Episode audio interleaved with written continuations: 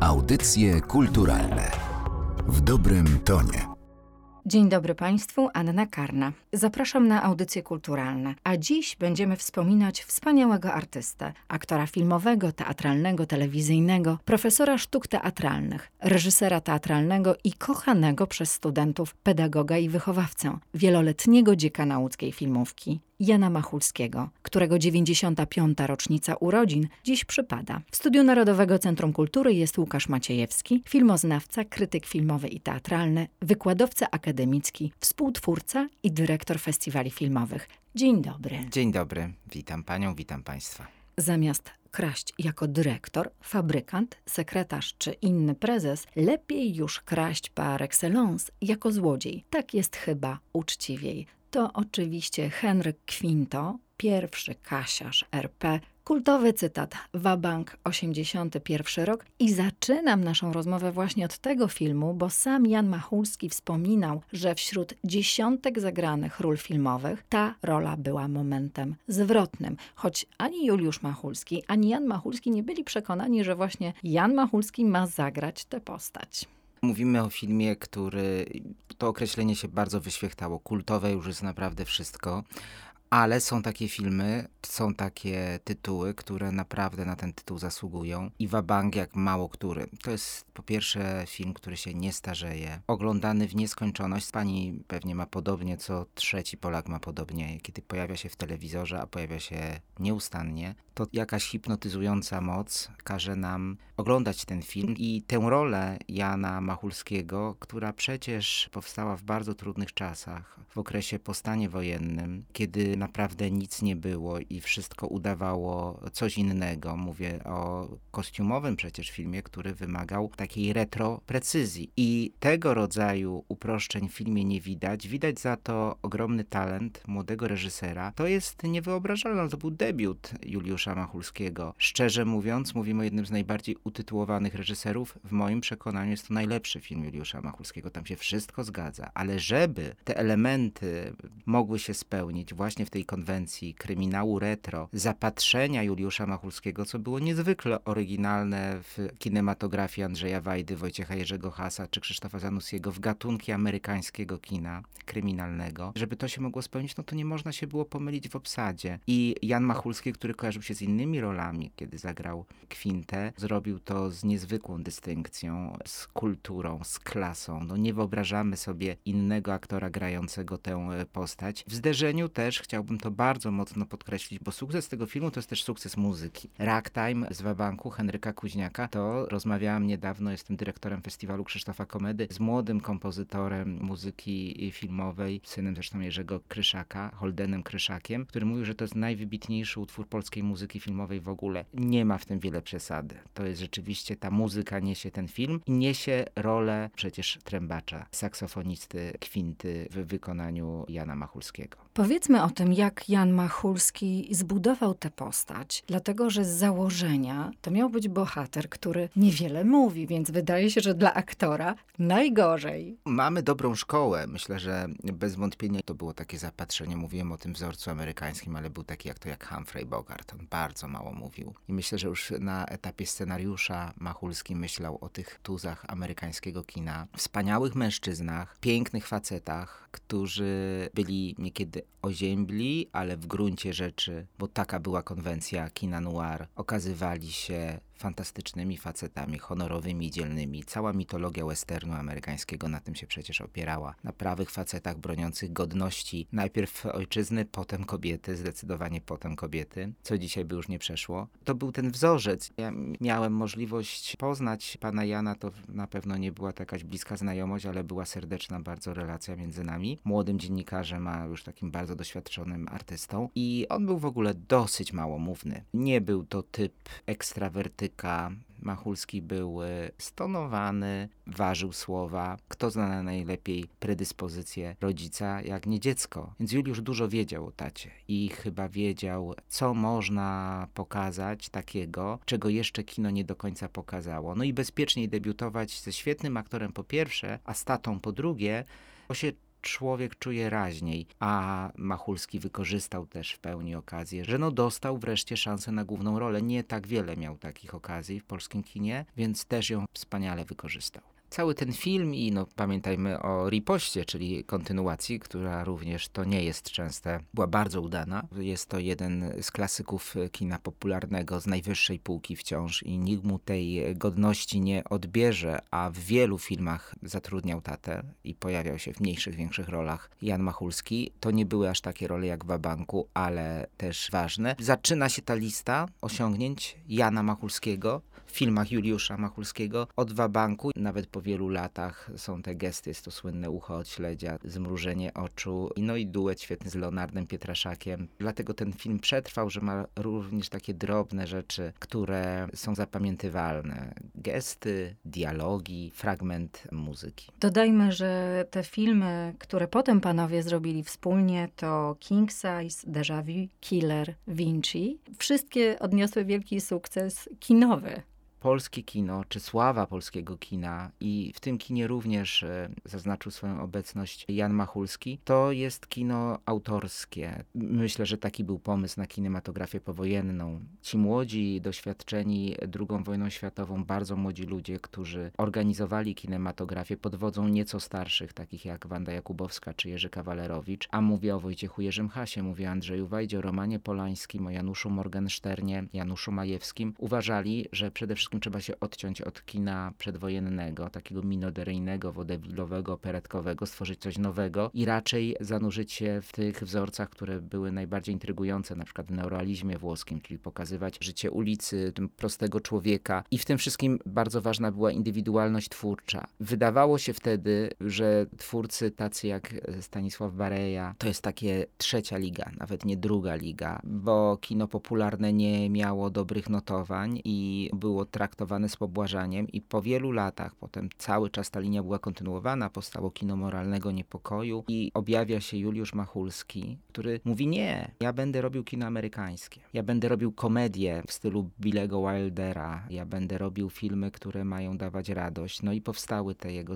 evergreeny, które pani wymieniła. Te tytuły, które pani wymieniła, aż do Vinciego, świetnego, myślę, że ostatniego tak udanego filmu Juliusza Machulskiego, potem było już trochę gorzej, to ten udział udział ojca w małych rolach najczęściej. W King Size to był Kwintek, to byli tacy milicjanci, w Killerze i Killerów dwóch to były takie dekoracyjne role, ale ten ojciec był mu potrzebny. A my chcieliśmy koniecznie zobaczyć Jana Machulskiego, czyli Kwintę w filmach Juliusza Machulskiego, bo to było coś wzruszającego, że ta ciągłość jest zaznaczona. Powiedzmy o debiucie filmowym Jana Machulskiego, bo to był 58 rok, ostatni dzień lata, debiut fabularny Tadeusza Konwickiego, i znowu przełomowy film dla polskiej szkoły filmowej. To jest jeden z moich ulubionych filmów i od Jana Machulskiego wiem też, że ukochał sobie ten film szczególnie. Nic dziwnego. Film poza czasem, który jest y, wybitny po dziś dzień, nie zestarzał się w ogóle. Może dlatego, że powstał w sposób tak bezinteresowny i zdecydowanie wyprzedził swój czas. To był taki moment, ta druga połowa lat 50., pierwsza połowa lat 60.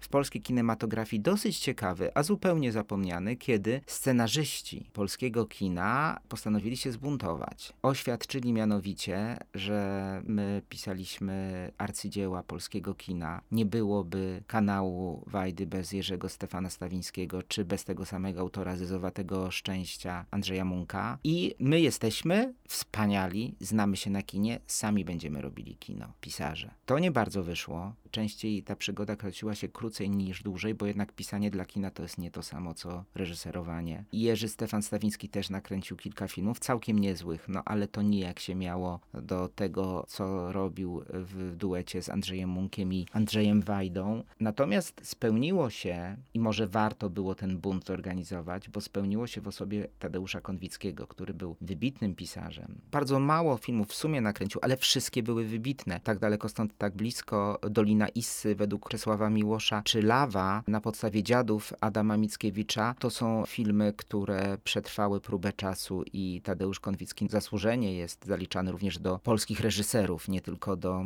ścisłego grona najlepszych polskich pisarzy. Ale wróćmy do ostatniego dnia lata. To był rzeczywiście 1958 rok, czyli 13 lat od zakończenia II wojny światowej. Młodzi ludzie, którzy kończyli tę wojnę jako osiemnastolatkowie, dochodzili do trzydziestki. To, co się wtedy wydarzyło, stworzyło wielką ranę, ranę na kilka pokoleń. I w bardzo niskobudżetowych, gdzieśmy powiedzieli, warunkach. A te warunki polegały na tym, że było cztery czy pięć osób na planie. Irena Laskowska, aktorka, Jan Machulski, aktor profesjonalny i brat Ireny, Jan Laskowski, operator, reżyser Tadeusz Konwicki. I nagrali taką przejmującą, czarno-białą, pięknie sfotografowaną impresję o dwojgu ludzi, którzy bardzo chcieli się kochać, ale coś wydarzyło się tak strasznego w czasie tej II wojny światowej, w tej przeszłości nienazwanej, że oni kochać nie potrafią. To był film nowoczesny, nowofalowy, ale przecież on wyprzedził nową falę, bo jeszcze nie było tych słynnych filmów Godarda, Trifota, to się wszystko wydarzyło później, więc jakiś nawet w wydaniu światowym prekursorski. Co ciekawe i znamienne, tym filmem się zachwycił świat. W dziwnym formacie, ani krótki metraż, ani film pełnometrażowy. Film wygrał festiwal w Wenecji w swojej sekcji, co jest oczywiście oszałamiającym i wtedy było i dzisiaj byłoby wielkim sukcesem. I ten młodziuteńki Jan Machulski, gdybym miał wskazać na dwie takie najważniejsze kreacje Jana Machulskiego w kinie, to wskazałbym właśnie Wabank z jednej strony, a z drugiej na Ostatni Dzień Lata, pokazujące też wszechstronność tego aktora. Pisano, że zagrał wtedy wręcz brawurowo. Na czym polegało to nowatorstwo Jana Machulskiego? Że w ogóle nie grał. Pamiętamy, co się działo przed wojną. Jak wtedy grał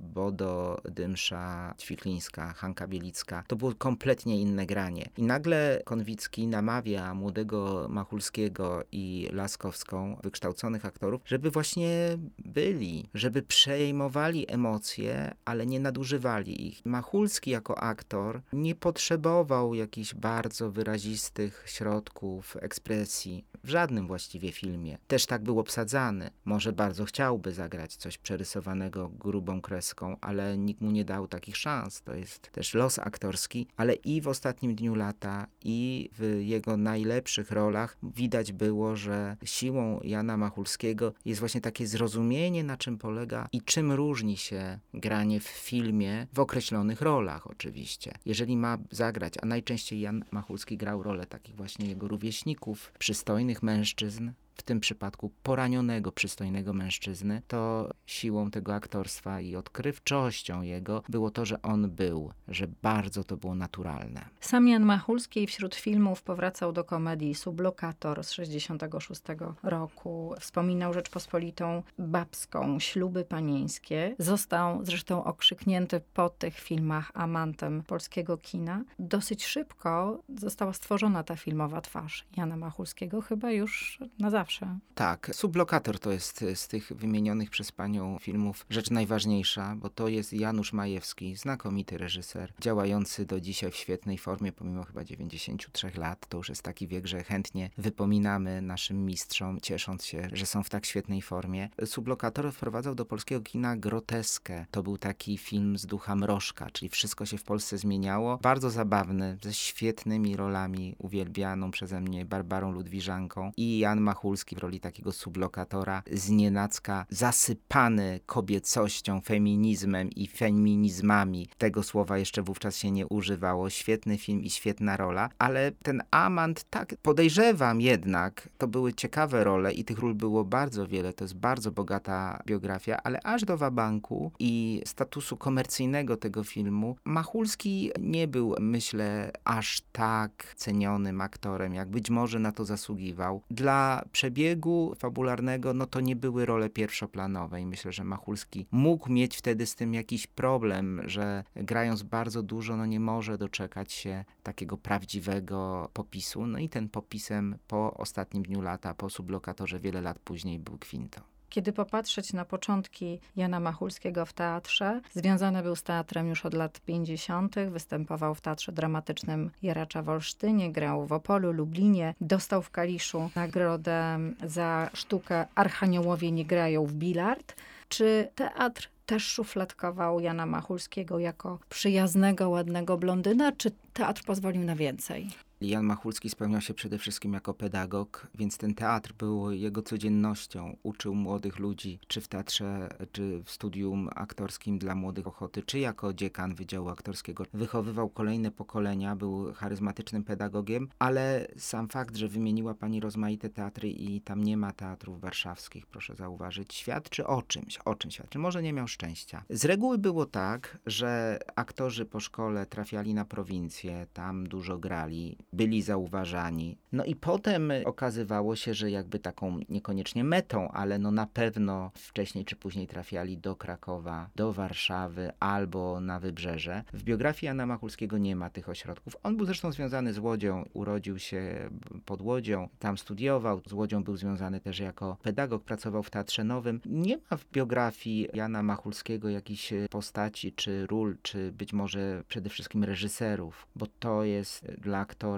no, trzeba mieć również szczęście. Najważniejsze, żeby Swinarski zaczął pracować, czy Wajda e, zaprosił do współpracy. U Jana Machulskiego, kiedy tak przestudiowałem tą jego e, teatrologiczną biografię, nie znalazłem jakichś zbyt wielu tej rangi nazwisk, więc myślę, że w teatrze tym, co definitywnie zostało po karierze Jana Machulskiego teatralnej, było to, że wprowadzał i wprowadził, bo oni o tym zawsze podkreślają, do zawodu aktora teatralnego również i Piotra I Katarzynę Figurę, i Edytę Jungowską. Całe pokolenie aktorów, których szkolił jako dzieciaki jeszcze w Studium Ochoty, a z drugiej strony i Malajkat, i Zamachowski, i Pazura, czyli jego studenci i e, studenci w czasach, kiedy był dziekanem, czy Izakuna, Renata Dancewicz na Wydziale Aktorskim Szkoły Filmowej w Łodzi. Mówi się, że wychował stu aktorów, bo przecież w 70 roku założył Teatr Ochota, potem stworzył ognisko teatralne dedykowane dzieciom dzieciom i młodzieży. I wracając do tych nazwisk, o których pan mówił, wszyscy ci dziś uznani aktorzy, studenci Jana Machulskiego wspominają go z wielką serdecznością. On bardzo kochał uczyć, oni kochali swego profesora. Jego się nie dało nie lubić. Poznałem Jana Machulskiego w jego już ostatniej dekadzie życia. To takie są banały, ale no, jeżeli ktoś ma taki charakter, to dlaczego miałbym kłamać i, i mówić, że był skomplikowany i, i brawurowy, kiedy był sympatyczny i spokojny? Bo taki był. Mam poczucie, że pan Jan był kwintesencją jakiejś takiej kindersztuby,